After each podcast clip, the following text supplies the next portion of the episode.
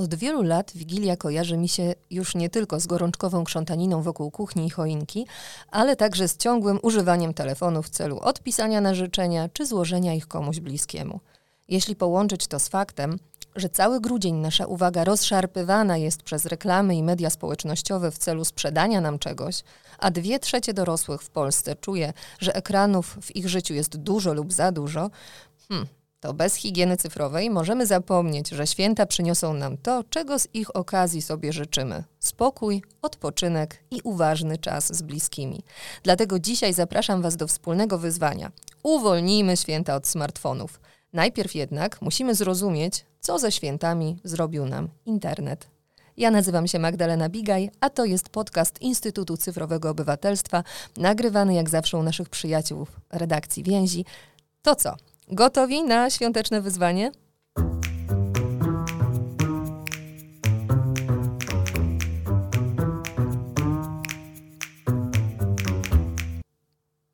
Advent, czyli festiwal konsumpcjonizmu. Zaczyna się już Black Friday, kiedy firmy zaczynają się prześcigać w namawianiu nas do kupowania. Choć reklama od zawsze była dźwignią handlu, to dopiero internet dał jej narzędzia bazujące na manipulacji naszymi pierwotnymi instynktami łowcy. Czas od momentu przekonania nas, że czegoś potrzebujemy, do zdobycia przez nas przedmiotu pożądania skrócił się w internecie do kilku klików. Łatwość takiego zakupu jest niebywale nagradzająca dla naszego mózgu. Dlaczego? Jak wielokrotnie podkreślam, aby zrozumieć własne zachowania oraz sprytne formy manipulowania nami przez platformy społecznościowe i branżę reklamową, musimy przyswoić podstawową wiedzę o funkcjonowaniu naszego mózgu. Przede wszystkim o znajdującym się w nim układzie nagrody, którego rolą jest zdobywanie przyjemności. Ta część mózgu nie rozważa, czy dana przyjemność jest dobra czy zła. Jej zadaniem jest reagowanie na zwiastuny przyjemności, a następnie jak najszybsze wykonanie akcji w celu pozyskania tej przyjemności. Aby to zrobić, na widok, myśl czy dźwięk przyjemności nasz mózg wydziela dopaminę, neuroprzekaźnik zwany hormonem motywacji. Jest ona swego rodzaju wtryskiem paliwa, które sprawia, że wykonujemy akcję zdobycia danej przyjemności. Przed szybkim doprowadzeniem się do śmierci w efekcie, w efekcie podążania wyłącznie za przyjemnością chronią nas umiejętności samokontroli, samoregulacji, przewidywania konsekwencji oraz rozróżniania dobra i zła, które z kolei mieszczą się w przedniej części mózgu zwanej płatem czołowym. Sam układ nagrody, ten wewnętrzny kompas przyjemności, pozwala nam przetrwać, motywując do dbania o nasz komfort. Przyjemność to przetrwanie, a nieprzyjemność, ból to ryzyko śmierci. Dla mózgu to jasne.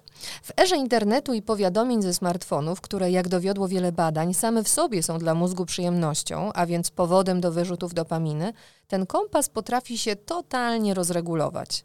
W skrócie, im częściej będziemy odpowiadać na pokusy z telefonu, tym trudniej będzie się nam im oprzeć.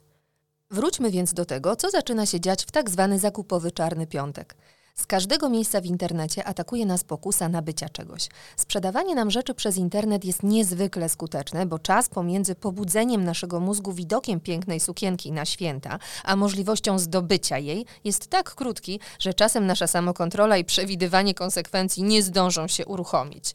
W, śle, w tle świat debatuje o kryzysie klimatycznym, a my kupujemy kolejne zbędne przedmioty, wyrzucając stare. W każdej minucie na świecie wywożona jest na wysypisko ciężarówka zbędnych ubrań. Idą święta. Kierat stałej dostępności.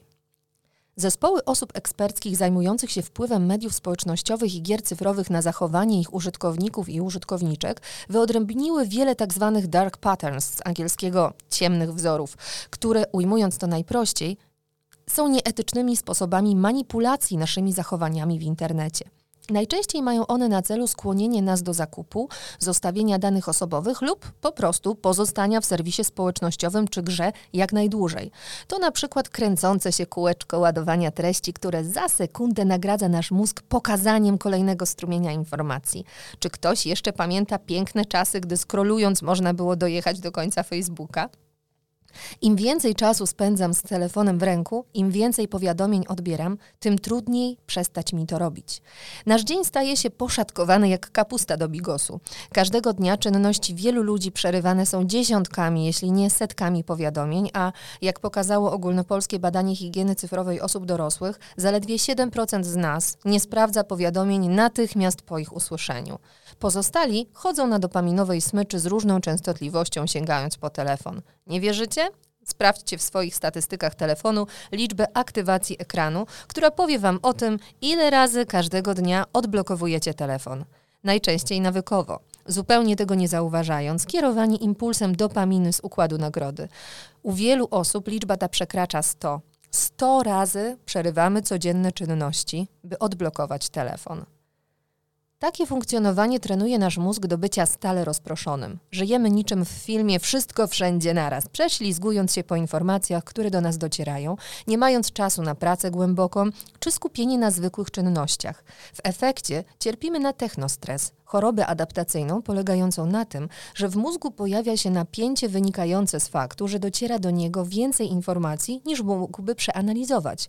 Chorobę tę zdefiniowano już w, uwaga, 1984 roku. Wówczas jej przyczyn upatrywano w technologizacji życia. Dzisiaj w dużym stopniu związana jest ze strumieniem informacji, który utrudnia nam funkcjonowanie. O tym, że tak będzie, że taki będzie skutek nowoczesnych technologii, przekonywał już Konrad Gessner, szwajcarski uczony żyjący w, kolejna niespodzianka, w XVI wieku. Prawdopodobnie przemęczały go informacyjnie gazety i książki, które przez wynalezienie druku zaczęły się upowszechniać. Dzisiaj biedny Gessner nie byłby w stanie pojąć, jak możemy zdrowo funkcjonować, stale dostarczając sobie informacji za pośrednictwem telefonów. Najczęściej zresztą informacji zupełnie niepotrzebnych nam do funkcjonowania, wręcz przeciwnie. Paradoksem naszej natury jest więc to, że chociaż przeciążenie informacyjne ma na nas tak destrukcyjny wpływ, nie potrafimy przestać zbierać informacji. Nasz mózg jest do tego stworzony i naturalnie pragnie je zdobywać ze wszystkich sił.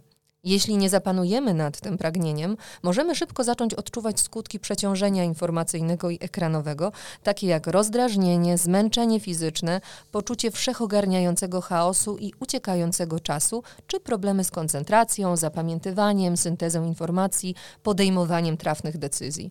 A i tak zostaje nam długa lista długofalowych konsekwencji, znacznie trudniejszych do uchwycenia, przykład brak satysfakcji z życia, problemy w relacjach z innymi lub poczucie bycia niewystarczająco dobrym. Przed tym ostatnim przestrzega profesor Barry Schwartz, upatrując problemów w fakcie, że żyjemy w czasach paradoksu wyboru, w których widzimy tak wiele możliwości, że nie potrafimy się zaangażować w to, co mamy, czekając ciągle na coś lepszego, co przecież może być za rogiem, lepszą pracę czy lepszego partnera. Tyle ich widzimy w internecie. Równowadze psychicznej nie sprzyja również porównywanie się do tego, jak żyją inni, co oczywiście leży w naturze człowieka, ale jeszcze nigdy w historii ludzkości nie odbywało się na taką skalę. Relacje w święta zamiast relacjonowania świąt. A przecież w grudniu internet pęka w szwach od relacji z przygotowań do świąt w wykonaniu innych ludzi. Wpadliśmy w zbiorowe szaleństwo relacjonowania swojego życia – jak tylko spada pierwszy śnieg, miliony użytkowników internetu wrzucają relacje z tego wydarzenia. Czy potrafimy jeszcze patrzeć na śnieg i myśleć: O, śnieg, a nie gdzie jest mój telefon, trzeba to nagrać? Chociaż rozumiem i sama odczuwam potrzebę dzielenia się z innymi swoimi przeżyciami, to jednak ze smutkiem odkrywam, wchodząc do internetu po świętach, w jak wielu domach ten wyjątkowy czas był niemalże na bieżąco relacjonowany w mediach społecznościowych. Zdjęcia wigilijnych stołów, potraw, otwierania prezentów, składania sobie życzeń, Robienie zdjęć i filmów, a następnie wrzucanie tego do internetu i odpowiadanie na komentarze znajomych jest dla układu nagrody w mózgu dużo bardziej atrakcyjne niż bycie tu i teraz w święta. Bo mózg nastawiony jest na zużywanie jak najmniejszej liczby kalorii. Będzie więc wybierał taką przyjemność, która jest najtańsza kalorycznie, najłatwiej dostępna. A tym właśnie są dopaminowe pobudzenia płynące z interakcji w internecie i scrollowania christmasowych klimatów w mediach społecznościowych. Dla mózgu, rozpieszczonego na co dzień łatwą i niewiele intelektualnie kosztującą konsumpcją krótkich filmików na TikToku czy Facebooku, relacja z drugim człowiekiem czy świąteczny spacer są totalnie nieatrakcyjne i wysokokaloryczne. Dość powiedzieć, że ostatnie badania naukowe dowodzą, że w czasie rozmowy bezpośredniej aktywowany jest dziewięciokrotnie większy obszar mózgu niż w czasie rozmowy online. To dlatego, chcąc oszczędzać kalorie, mówiąc kolokwialnie, myśleć taniej na wypadek głodu, twój mózg wciągałby TikToka jak kot Whiskas. Jeśli w tym miejscu chcielibyście dodać, że przecież wrzucenie zdjęcia z Wigilii do internetu to chwila moment, to przypominam, że wszystkie prowadzone w tym zakresie badania potwierdzają, że żaden człowiek nie potrafi koncentrować się na więcej niż jednej czynności. No, Dobrze, na Stanfordzie jedno z badań mówiło, że taką umiejętność ma 1% populacji Ziemi. I wiem, że wy zawsze myślicie, że to wy. Jest to jednak bardzo odważne założenie. Lepiej pogodzić się z faktem, że każde wzięcie do ręki telefonu wylogowuje nas na jakiś czas z bycia tu i teraz. Powrót do koncentracji na danej czynności, także na rozmowie z bliskimi, zajmuje od kilku do kilkunastu minut. Przerzucając w ten sposób uwagę z tu i teraz na telefon, stresujemy nasz mózg zbyt wieloma informacjami do obsłużenia do tego dochodzi towarzysząca takim świątecznym fotoreporterom tendencja do patrzenia na święta i bliskich przez pryzmat kadru do mediów społecznościowych. Oto niosę Wam radość wielką. Nasze życie i nasze święta są ważne nawet wtedy, kiedy nie wychodzą ładnie na zdjęciu na Instagramie, a świętego Mikołaja nie obchodzą Twoje lajki w sieci. Trenując swój mózg do braku uważności, folgując sobie w relacjonowaniu świąt i stale podnosząc telefon, by odebrać kolejne życzenia, niszczymy to, na co tak długo czekamy zdrowe, spokojne święta w gronie najbliższych. Święta stają się bowiem nieznośnym festiwalem dopaminy i stałego rozproszenia. Ani się obejrzycie, a upłyną pod znakiem wielu godzin spędzonych przed ekranem. Spójrzmy więc prawdzie w oczy. Choć dla wielu z nas jest tak bardzo niekomfortowa. Brak higieny cyfrowej wyklucza uważność i bycie tu i teraz. Wyklucza spokojne święta i odpoczynek, przeżycie tego czasu z innymi. Bo jeśli co chwilę sięgam po telefon, to nigdy nie jestem w pełni otwarta na relację z osobą, która jest obok mnie. Czy potrafimy jeszcze dać sobie na święta siebie, czy już tylko lajki i wierszyki w SMS-ach? Zapewne część osób słucha o tym z pewnym niedowierzaniem, jak można tak funkcjonować, ale bez wątpienia równie wiele osób odczuwa teraz dyskomfort, że też tak ma. I ja również byłam w tych ciemnych miejscach, ale z tego kieratu da się wyjść i dzisiaj Was do tego zachęcam. To się nie stanie samo i nie przyjdzie łatwo, muszę to zaznaczyć. Zapewniam, że im bardziej intensywnie korzystacie na co dzień z telefonu i mediów społecznościowych, tym boleśniej przy ograniczaniu ich odczujecie syndrom FOMO, czyli strach przed tym, że coś nas ominie, z angielskiego fear of missing out. I chociaż jakiś czas temu pojawił się trend na JOMO, z angielskiego joy of missing out, czyli radość, że coś nas omija, to ja będę z Wami szczera. Nie poczujecie na początku żadnej radości. Pierwsze dni z ograniczeniami wcale jej wam nie przyniosą. Będą raczej pełne pokus i frustracji z odstawienia. Mózg będzie czuł się dokładnie tak jak wtedy, gdy nagle ograniczamy spożycie cukru. Dlatego zachęcam Was do wzbudzenia sobie POMO, czyli dumy z angielskiego proud, z tego, że coś ma Was ominąć. Mm, z tego, że cały ten strumień informacji w internecie popłynie sobie bez waszego udziału. Że jeszcze nie zesmażyliśmy swoich mózgów na TikToku czy Twitterze, jeszcze potrafimy wybrać człowieka obok nas niż rozrywkę z ekranu. Bądźmy z tego dumni. W świecie, w którym bombardowani jesteśmy zbyt dużą ilością informacji, a nasza wola poddawana jest rozmaitym manipulacjom, coraz trudniej dać samemu sobie prawdziwy odpoczynek. Nie zaleganie w fotelu czy na kanapie z telefonem w ręku, ale prawdziwy odpoczynek dla umęczonego mózgu, czyli robienie tylko jednej rzeczy naraz. Nawet lepienie pierogów czy ubieranie choinki jeśli tylko nie będziemy go przerywać sięganiem po telefon, będzie jak yoga dla naszego mózgu. Chrześcijanie często, aby zmotywować się do uważnego przeżycia świąt, powtarzają sobie: przeżyj je tak, jakby miały to być ostatnie święta w Twoim życiu. Bez względu na to, czy wierzycie w Boga, czy nie, warto postawić sobie tego rodzaju pytanie. A gdyby miały to być moje ostatnie święta, to czy naprawdę chciałbym je przeżyć wpatrując się w telefon i oglądając zdjęcia z cudzych świąt? Czy nie chciałbym jednak iść na spacer, porozmawiać z mamą, nawet obejrzeć wspólnie film, byle bez sprawdzania w telefonie, gdzie grał dany aktor, ile punktów na film webie ma film, lub podglądania równocześnie newsów ze świata? Dlatego chcę Was dzisiaj zachęcić do relacji w święta zamiast relacjonowania świąt i zapewnić, że to jest najlepszy prezent, jaki możecie podarować sobie i bliskim. Oto kilka zasad higieny cyfrowej, które pomogą Wam uratować święta przed zmieleniem ich na informacyjną papkę. Druga. Ogranicz liczbę powiadomień do niezbędnego minimum. Najlepiej zostaw tylko dźwięk telefonu i SMS-a. Resztę powiadomień odbieraj kilka razy dziennie, jeśli chcesz, ale wtedy, gdy o tym sam zadecydujesz, a nie gdy dźwięk telefonu zaleje ci mózg dopaminą. Niech powiadomienia nie przerywają ci codziennych czynności. Przecież jeśli wydarzy się coś naprawdę ważnego, co nie może czekać, to ktoś zadzwoni. Na czas wigilii wyciszcie telefony całkowicie lub wyłączcie je i absolutnie do nikogo tego wieczoru nie dzwońcie. Trzecia. Ustal miejsce, w które odłożysz telefon po wejściu do domu, aby nie nosić go cały czas przy sobie. Najlepiej, żeby nie było to centralne miejsce w domu. Jeśli w domu są dzieci, możecie stworzyć e, świąteczne pudełko, do którego wszyscy goście odłożą swoje telefony. Dla smartfonów i smartwatchy absolutnie nie powinno być miejsca przy stole. Czwarta. Zrób listę osób, którym naprawdę chciałbyś złożyć życzenia świąteczne. Wysyłanie wszystkim tego samego SMS-a z wierszykiem nie jest wcale niczym dobrym dla odbiorcy. Jest zaśmiecaniem jego codzienności powieloną, bezosobową wiadomością. Tym, na których ci zależy, wyślij kartkę, a jeśli nie zdążysz lub na przykład nie lubisz tego robić, zadzwoń lub napisz spersonalizowane życzenia, ale uwaga, zrób to dzień przed Wigilią. Życzę Ci spokojnych świąt, dlatego wysyłam swoje życzenia już dzisiaj, aby życzenia spokoju mogły się jutro spełnić.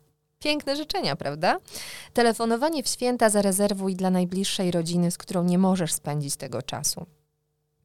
Zaplanuj sobie w święta czas. To zasada numer pięć. Ale tak naprawdę zaplanuj. Weź kartkę i spisz w punktach, co chciałbyś zrobić, jak będziesz miał chwilę wolnego. Gdzie iść na spacer, może nawet jaki film obejrzeć, jaką książkę przeczytać, o czym porozmawiać z bratem, z siostrą, o co zapytać swoje dzieci. Jeśli tego nie zrobimy, to jak tylko pojawi się wolna chwila, nasz mózg skieruje naszą uwagę na najszybszego dostawcę przyjemności, czyli telefon, bo tak po prostu działa. Zwłaszcza, że na samą myśl o tym, co nas czeka w internecie, uwolni nam się dopamina. No i już wiecie, co się będzie działo. Jednym słowem, musimy naszemu mózgowi, uzależnionemu od krótkich i łatwych pobudzeń, dostarczyć coś w zamian. Dlatego podejdźcie do siebie z czułością. Jeśli na co dzień żyjecie w dużym rozproszeniu, może być trudno znaleźć ukojenie w Ulisesie Jamesa Joyce'a.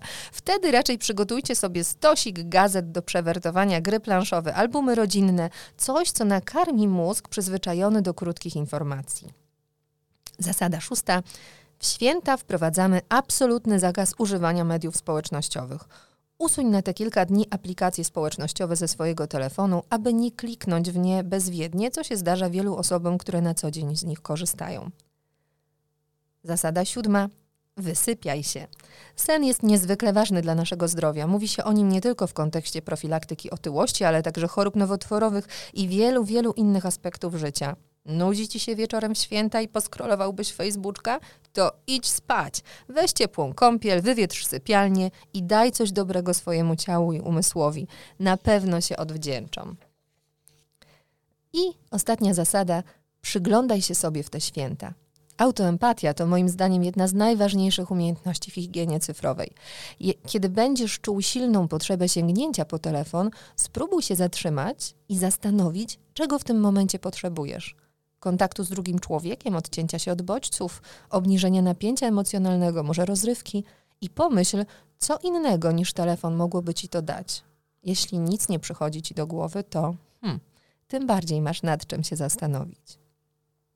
Jedną z zasad higieny cyfrowej, ym, skutecznej zwłaszcza wobec dzieci i młodzieży, ale także wobec dorosłych, jest znalezienie alternatywy dla świata cyfrowego, czyli czegoś, co będzie dla nas przyjemniejsze, bardziej atrakcyjniejsze i odciągnie naszą uwagę od ekranów.